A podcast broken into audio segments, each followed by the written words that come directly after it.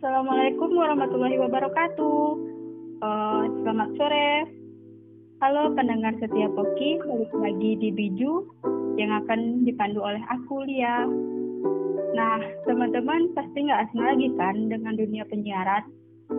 Hari ini kita akan mengulik bersama narasumber kita, yaitu salah satu kakak reporter Fakultas Ilmu Budaya Universitas Andalas. Sebelum kita mulai, kita kenalan dulu yuk sama kakaknya.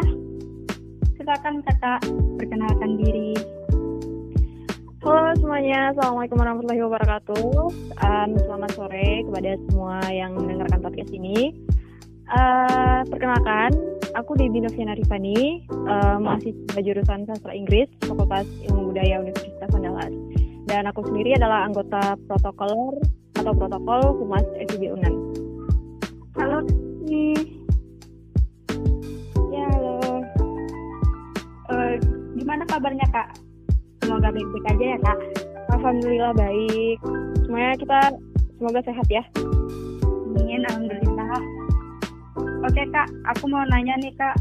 Uh, apa aja sih maksudnya apa sih latar belakang dan tujuan terbentuknya Humas Fakultas Ilmu Budaya ini, Kak? Oke, jadi aku cerita sedikit ya um, Humas FIB ini sebenarnya dibentuk pertama kali itu di tahun 2017 kalau aku tidak salah ya. Jadi 2017 itu dibentuk Humas FIB ini. Um, tapi saat itu yang dibentuk baru reporter. Jadi Humas FIB ini terdiri dari anggota yang semuanya adalah reporter. Nah, uh, saat itu yang aku tahu tujuannya adalah untuk mewadahi mahasiswa uh, Fakultas Ilmu Budaya khususnya uh, untuk menyalurkan bakat mereka melalui jurnalistik. Nah, um, kan FIB Unan ini punya beberapa agenda, banyak acara sehingga uh, apa namanya fakultas itu ingin ada yang meliput berita itu sendiri, lalu kita rilis beritanya di website uh, sehingga apa namanya kita punya apa ya namanya punya publikasi sendiri jadi akhirnya diwadahilah mahasiswa-mahasiswa yang punya bakat jurnalistik ini uh, untuk bergabung di Humas FIB Unan um, dan saat itu posisinya adalah sebagai reporter. Nah ini yang aku tahu ya tentang tujuan dan latar belakangnya gitu karena sebenarnya uh, yang pastinya lebih tahu ini adalah uh, anggota pertama Humas FIB Unan saat itu. Tapi yang aku tahu anggota pertama itu semua sudah tamat ya kalau nggak salah. Um, cuman secara umum secara general uh, itu kira-kira latar belakang tujuannya itu. Nah cuman setelah itu karena apa namanya pembina humas lalu juga uh, dekanat merasa bahwa sebetulnya reportase atau reporter ini tidak cukup untuk hanya mengisi uh, apa namanya humas FIB ini gitu. Akhirnya terbentuklah inisiatif dari pembina humas untuk uh, membangun atau membentuk satu divisi lagi, satu divisi baru yaitu protokol. Nah di sini awalnya terbentuknya protokol ini karena uh, pembina humas FIB merasa bahwa sepertinya mahasiswa itu banyak punya bakat uh, di bidang MC, public speaking dan juga uh, apa namanya event organizer gitu. Dan kebetulan uh, eh, FIB Unan juga punya satu alumni yang sekarang adalah seorang profesional MC. Uh, eh, kalau misalkan nanti teman-teman tahu itu Bang Denny, alumni sastra Indonesia. Jadi dia itu adalah seorang profesional MC dan uh, seorang public speaker ya, sudah terkenal di mana-mana, sudah banyak job MC-nya, bahkan juga sudah terkenal di uh, apa namanya di luar negeri gitu. Jadi akhirnya dibentuklah protokol FIB ini uh, rekrut beberapa orang saja waktu itu yang memang rasanya bisa dan uh, lompat bakatnya gitu. Nah kita akhirnya dibentuk saat itu uh, protokol FIB ini tapi belum diresmikan secara resmi ya. Jadi uh, di, di awal pembentukan itu hanya ada pelatihan tentang MC dan uh, public speaking dari Bang Denny langsung akhirnya mulailah beberapa agenda jalan, tapi kita belum secara resmi di apa diresmikan oleh uh, fakultas gitu. Tapi kita sudah mulai jalan untuk membantu agenda-agenda fakultas. Uh, salah satunya itu menjadi MC di beberapa acara uh, apa namanya acara atau agenda fakultas. Satu kita 2019 ya 2019 uh, Desember baru kita dilantik secara resmi menjadi anggota humas uh, anggota protokol humas IB tapi protokol ini sebenarnya sudah dibentuk sejak um, awal 2019 gitu. Jadi sebenarnya humas FIB ini punya dua divisi, reporter dan protokol. Nah tujuannya adalah ya untuk mewadahi mewadahi mahasiswa ini sendiri gitu dan ya termasuk juga untuk membantu dekanat dalam menjalankan berbagai kegiatan. Dan karena memang juga humas FIB ini kan dijalankan langsung oleh mahasiswa dan dia itu bersangkutan langsung dengan dekanat gitu. Banyak sekali ya kak sejarahnya. Cukup menyenangkan panjang juga pula prosesnya. Iya karena uh, apa namanya uh, mahasiswa ini sebenarnya punya bakat ya di sini gitu. jadi uh, fakultas benar-benar ingin mewadahi hal-hal seperti ini kan ini kan juga jadi satu keuntungan juga bagi fakultas gitu apalagi uh, di satu unam itu tidak per fakultas itu tidak punya humas yang dikelola oleh mahasiswa gitu. Jadi satu-satunya humas fakultas yang dikelola oleh mahasiswa cuman mahasiswa uh, fakultas ilmu budaya. Jadi humas kita itu di bawah pengawasan dekan langsung dan humas FIB ini menjadi humas terbaik seunang gitu. Jadi ya satu kebanggaan juga untuk fakultas bahwa mahasiswa itu bisa membanggakan fakultas um, melalui hal-hal seperti ini gitu. Keren banget kak. Banyak mungkin orang yang itu uh, apa namanya tuh uh, bisa bisa menyalurkan itunya uh, bakatnya di dengan adanya uh, humas Fakultas Ilmu Budaya ini ya kak. Ya, ya benar. Selanjutnya kak, apa aja sih proker dari humas Fakultas Ilmu Budaya ini kak? baik yang telah terlaksana, belum terlaksana, atau masih dalam perancangannya, Kak? Oke, okay, um, seperti yang aku bilang tadi, Humas FIB ini punya dua divisi ya, dari protokol dan protokol. Nah, per divisi ini mereka punya koordinator masing-masing. Jadi, uh, program kerja itu dibentuk oleh per divisi. Jadi, koordinator dan anggota itu berdiskusi kerjasama untuk membangun atau um, membuat program-program yang akan terlaksana. Jadi, sebenarnya kalau ditanya proper humas FIB ini secara keseluruhan um, itu punya program yang bisa dibilang kita tidak terlalu, terlalu tahu ya programnya masing-masing gitu. Uh, cuman ada beberapa hal uh, mengenai program kerja divisi reporter yang protokol protokol itu tahu gitu. Jadi contohnya seperti kemarin itu ada um, apa namanya ngobrol asik seputar jurnalistik. Nah ini satu program yang dibikin oleh divisi reporter, uh, di mana mereka ini berdiskusi tentang uh, jurnalistik. Gitu. Kalau nggak salah itu mereka pakai uh, media WhatsApp gitu atau atau ada platform gitu. Pokoknya mereka uh, menggunakan salah satu platform sosial media untuk mereka um, apa namanya melaksanakan program ini. Jadi namanya waktu itu ngobrol asyik seputar, seputar jurnalistik. Gitu. Ngulik kalau aku nggak salah ya nama programnya. Nah ini cukup uh, mirip dengan program protokol yang waktu itu sempat terlaksana. Itu ada uh, program cerita baik. Gitu. Jadi kita bikin program um, diskusi dengan beberapa orang yang apa namanya punya pengalaman uh, tentang beberapa topik atau beberapa isu gitu. kita sempat apa namanya mewawancarai duta genre Indonesia. Itu ada uh, Cynthia Zeni itu mahasiswa uh, jurusan sejarah Fakultas Ilmu Budaya tahun 2018 nah dia adalah duta genre Indonesia. Dan dia adalah salah satu model apa uh, salah satu narasumber kita di program cerita baik waktu itu. Uh, program ini um, kita sharing ya diskusi bareng sharing um, apa namanya menyebar ilmu dengan uh, apa namanya orang-orang lain tentang jurnalistik tentang uh, isu-isu tertentu tentang public speaking khususnya. Jadi uh, itu program yang sempat terlaksana kemarin. Lalu juga ada um, program webinar nasional. Nah webinar nasional ini sebenarnya dibentuk oleh uh, divisi protokol yang memang waktu itu uh, bersangkutan langsung dengan uh, perekrutan anggota protokol FIB yang baru. Jadi kita sempat buka um, apa namanya open recruitment untuk anggota baru protokol humas. Nah, salah satu rangkaian agenda open recruitment ini adalah kita mengadakan webinar nasional. Uh, jadi kita sempat mengadakan webinar nasional itu saat itu narasumbernya ada public speaker dan juga duta bahasa nasional Yogyakarta ya waktu itu uh, Bang Azhari. Jadi dia juga seorang uh, sivitas akademika, dia seorang dosen di uh, IAIN Batu Sangkar kalau aku nggak salah gitu. Terus ada lagi satu lagi itu narasumbernya namanya Kak Lulu Yohan Mirnanda. Jadi dia adalah mahasiswa sastra Inggris uh, Fakultas Ilmu Budaya angkatan 2017.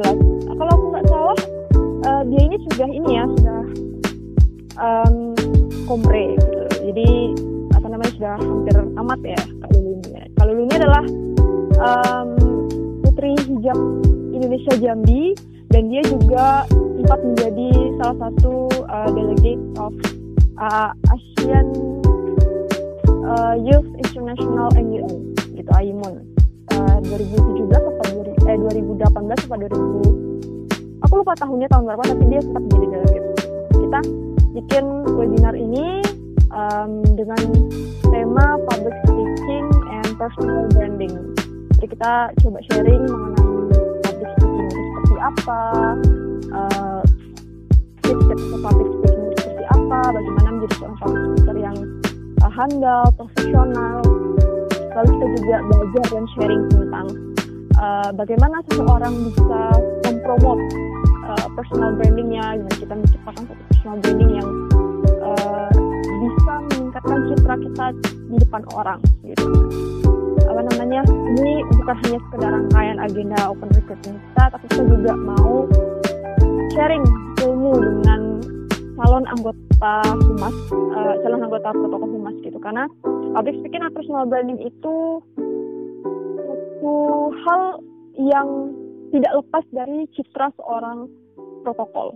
Jadi anggota protokol itu secara khusus ya uh, harus bisa setidaknya harus punya ilmu dalam public speaking dan personal branding gitu karena ini citranya citranya anggota protokol itu di sana gitu. Nah ini program protokol juga. Um, tapi reporter itu juga punya program harian ya. Uh, apa namanya? Setiap agenda-agenda atau acara-acara FIB itu mereka selalu hadir atau mereka selalu meliput berita-berita gitu. Jadi mereka um, apa namanya cari agenda atau cari acara lalu mereka meliput berita yang berkaitan dengan uh, fakultas lalu mereka publis uh, apa namanya mereka publikasikan di website. Jadi ini program program reporter seperti biasa ya meliput berita uh, dan mempublish beritanya site gitu. Um, kemudian juga untuk protokol sendiri sebenarnya uh, ini apa namanya uh, jadi begini Humas TVB itu sebenarnya sempat punya tiga divisi jadi ada reporter, protokol, dan penyiaran. Nah sudah sempat dilaksanakan pelatihan um, tentang penyiaran untuk Fakultas Budaya karena uh, sekarang kan Fakultas Budaya punya radio sendiri ya yang apa namanya bekerja sama dengan RRI itu ada RRI Studio Unan jadi alat-alatnya sebenarnya segala macam itu uh, kita memang bekerja sama dengan RRI nah sebenarnya FIB ini dulu punya radio sendiri tapi uh, sempat vakum dan mati. Akhirnya tidak ada tidak ada lagi radio. Dulu radio FIB itu uh, radio FIB Unan itu nol tapi karena ada beberapa hal sehingga radionya vakum mati dan sekarang kita mulai bangkitkan lagi. Akhirnya kita bekerja sama dengan RRI Padang untuk bagaimana kita bisa punya studio radio sendiri di FIB Unan akhirnya dibangunlah studio RRI uh, FIB Unan. Itu letaknya di lantai tiga um, Fakultas Ilmu Budaya. Ini kalau misalnya kita ke apa namanya jalan ke dekanat atau kita masuk ke fakultas itu bisa dilihat ada pelangnya kedua RRI uh, FIB Unan. gitu. Nah dulu sempat ada pelatihan uh, kepenyiaran diadakan langsung oleh FIB Unan dengan mengundang uh, pihak RRI Padang untuk secara langsung memberikan pelatihan kepenyiaran itu mulai dari seperti apa penyiaran, seperti apa menjadi penyiar yang baik. Kita langsung latihan, kita langsung ke studio, kita langsung masuk ke studio, kita langsung uh, praktik lapangan sebagai apa namanya uh, penyiar dan uh, narasumber gitu. Jadi kita benar-benar asik ya waktu itu pelatihannya. Uh, cuman ada beberapa hal yang menyebabkan divisi kepenyiaran ini harus vakum dulu sebentar gitu bahkan sampai sekarang nah uh, salah satunya itu mungkin karena anggota kepenyiaran ini uh, apa namanya mungkin karena divisi kepenyiaran ini baru sangat-sangat baru dan alat-alat studio radio kita juga belum terlalu lengkap mereka uh, sedikit vakum gitu nah rencananya untuk penyiaran itu uh, kita gabungkan divisinya dengan protokol. Jadi penyiaran protokol itu akan uh, penyiaran itu akan menggabung dengan protokol. Uh, karena kalau dilihat job desk dan program-programnya program protokol ini cukup mirip dengan program penyiar dan uh, kebanyakan dari anggota protokol ini adalah public speaker ya public speaker untuk jadi tidak ada salahnya untuk menggabungkan penyiaran gitu. Karena anggota protokol sendiri juga menjadi anggota penyiaran gitu. Akhirnya kami berencana untuk menggabungkan penyiaran dengan protokol uh, dan dalam waktu dekat insya Allah kita akan langsung apa namanya uh, diskusi dengan pembina kami. Waktu itu pembina kami Bu Ria Febrina dosen uh, Indonesia. Cuman beliau sekarang sedang uh, tugas belajar ya tugas belajar di uh, UGM jadi pembina kami akhirnya digantikan oleh Ibu Imelda Inasari sekarang pembina kami.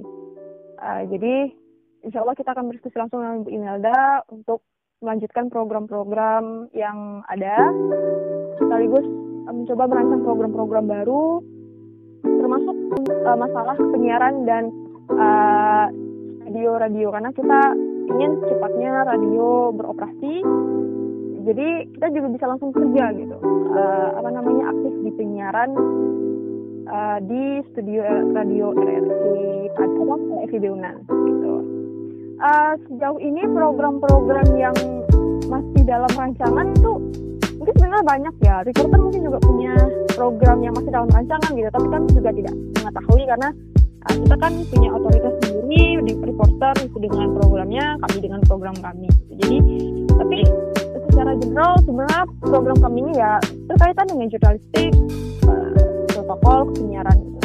Cuman kalau protokol sendiri ya program harian ya ketika ada acara FIB, uh, ada FIB mengadakan acara seperti workshop atau apa pun itu, seminar, itu biasanya protokol humas diturunkan menjadi pengisi acara MC atau mungkin nanti untuk menjadi konduktor uh, lagu Indonesia Raya, kolom segala macam itu biasanya pengisi acaranya tuh. Termasuk ketika masih kuliah offline dulu itu wisuda wisuda tingkat fakultas ya kita turun protokol FIB itu turun uh, baik untuk menjadi komisi acara dan untuk menjadi uh, tim protokol lapangan sendiri gitu. Jadi kita uh, program utamanya ya sebenarnya di situ uh, jatuhnya apa ya jadi event organizer ya belajar untuk menjadi event organizer. Gitu sih tadi kan kakak bilang protokol itu uh, waktu itu disahkan 2019 ya kan kak? Iya benar. Terus kalau misalnya penyiaran ini digabungkan ke divisi protokol, apa perlu pengesahan juga, Kak? Nah, uh, jadi begini, penyiaran itu kita sempat mengadakan pelatihan. Nah, cuman anggota penyiaran ini belum dilantik secara resmi. Nah, uh, jadi kalau misalnya nanti pro apa namanya rencana untuk menggabungkan penyiaran dengan protokol ini jadi, yang otomatis nantinya uh, anggota penyiaran yang bergabung dengan protokol itu kemungkinan uh, antara anggota ini dilantik secara terpisah dengan kami yang sudah dilantik bersama dengan anggota protokol yang baru atau uh, mereka jatuh menjadi anggota baru protokol humas di Unan gitu. Nah, ini skema yang belum kita terlalu tahu, uh, tapi kita nanti akan bicarakan dengan koordinator dan juga pembina. Oke kak, uh, terus bagaimana sih kak struktur keanggotaan dan cara kerja dari Humas Fakultas Ilmu Budaya? Apakah ada bekerja sama dengan HIMA atau lembaga lainnya dalam menjalankan setiap program kerjanya kak? Uh, struktur keanggotaannya sebenarnya kami ini apa namanya dibagi per divisi ya. Jadi kami tidak punya ketua sekretaris itu. Uh, kami punya koordinator dan bendahara. Ya kalau di protokol itu kami punya koordinator koordinator divisi protokol dan juga ada bendahara. Nah di reporter itu juga ada koordinator tapi kalau untuk bendahara ini aku kurang tahu ya. Tapi di per divisi itu kita ada koordinator. Nah koordinator reporter itu uh, namanya Nabila. Koordinator protokol itu namanya Nando gitu. um, terus untuk struktur yang lain kalau di protokol dan juga di reporter itu sebenarnya ada petugas harian nah petugas harian ini uh, Senin siapa Selasa siapa sampai Jumat siapa gitu. tapi karena sekarang kita kan uh, lagi kuliahnya daring ya online jadi petugas harian ini itu tidak terlalu jalan gitu. Jadi struktur struktur keanggotaannya seperti biasa. Per divisi ada koordinator, lalu ada anggota gitu. Dan petugas hariannya tetap ada secara apa namanya untuk nama itu ada gitu. Tapi eh, apa namanya jalannya itu yang mungkin agak sedikit terhambat dan sekarang kuliahnya dari. Gitu. Cuman kalau koordinator secara umum ya koordinator humas gitu eh, kita belum punya. Kita belum punya koordinator humas secara keseluruhan. Jadi kita hanya punya koordinator per divisi saja. Uh, untuk cara kerja, uh, seperti yang aku bilang tadi, karena reporter dan protokol itu punya program masing-masing, sehingga akhirnya kita menjalankan programnya juga Palingnya nanti bekerja samanya hanya ketika misal ada acara fakultas, lalu protokol turun sebagai apa namanya uh, acara segala macam. Nah itu reporter juga turun secara secara apa namanya uh, secara otomatis gitu. Jadi proto, uh, protokol turun, reporter turun. Nah, reporter ya, ya turunnya karena untuk meliput berita. Nah kami turun karena memang ingin uh, apa namanya karena memang ditugaskan untuk uh, membantu pelaksanaan acara. Kerjasamanya di mana ya di sana gitu. Apakah mungkin nanti uh, ada wawancara atau apa pun itu nanti kerjasamanya di lapangan. Tapi kalau misalkan kerjasama dengan hima atau uh, organisasi lain, sejauh ini kami belum punya kerjasama dengan organisasi atau hima lain. Uh, karena memang program kami sejauh ini juga bisa dibilang program yang agak mandiri ya, um, tidak terlalu banyak yang bisa apa namanya kita jalin yang tapi itu tidak menutup kemungkinan bahwa nanti kita punya program yang uh, kita butuh bantuan atau kerjasama dengan hima atau organisasi lain. Cuman memang untuk sekarang ini uh, program kerja kami itu mandiri, sehingga ya tidak terlalu ada kerjasama dengan hima atau organisasi lain gitu. Oke kak, tadi ngomong-ngomong mengenai daring, ada nggak sih kak yang program kerjanya terhambat karena daring ini kak? Uh, kalau program kerja yang terhambat karena daring, uh, sebenarnya ya ketika kita turun menjadi pengisi acara ya, uh, walaupun perkuliahan sekarang daring, uh, terkadang kita tetap mengadakan acara atau agenda gitu. Ada agenda yang dilaksanakan secara offline, ada agenda dilaksanakan secara online, atau uh, blending ya secara offline dan online. Nah biasanya yang terhambat itu adalah ketika uh, anggota humas ini kita sekarang kalau kuliah daring kan kita tinggal di rumah masing-masing ya. Nah, ketika misalnya ada agenda yang ternyata blending, ada yang offline, ada yang online. Nah, uh, anggota yang turun secara langsung itu uh, harus atau mesti ke Padang atau mesti ke kampus gitu untuk hadir secara langsung. Nah, biasanya hambatannya di sana ada yang anggota ini yang tidak uh, domisili di Padang atau di Sumatera Barat. Nah, ini menjadi hambatan biasanya. Jadi mereka tidak bisa turun, turun langsung ke turun langsung ke kampus. Nah, e, terus juga hambatannya biasanya kalau misalkan agenda atau acaranya diadakan secara online, ya itu biasanya ketika kami turun itu ya gitu. Ada aja kendalanya sinyal, jaringan segala macam. Cuman kalau hambatan secara apa ya, secara khusus apakah program kerjanya pindah segala macam itu biasanya enggak.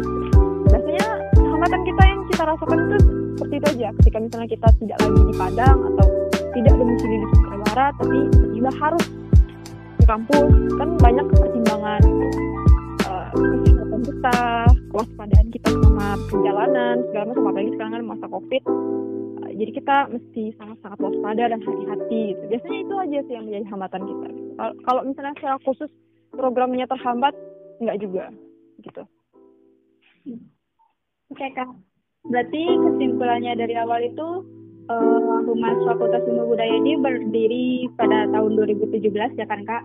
Terus uh, awalnya memiliki cuma divisi reporter dan kemudian ditambah lagi dengan rep protokol dan yang ketiga itu penyiaran sekarang sedang vakum dan rencananya mau digabungkan kepada protokol. Ya benar. Nah, uh, terima kasih kak. Uh, sudah Aku juga terima kasih ya diberikan kesempatan untuk sharing di sini. Terima kasih juga Kak sudah menyempatkan untuk hadir dan membagikan informasi-informasi pentingnya. Iya, terima kasih juga.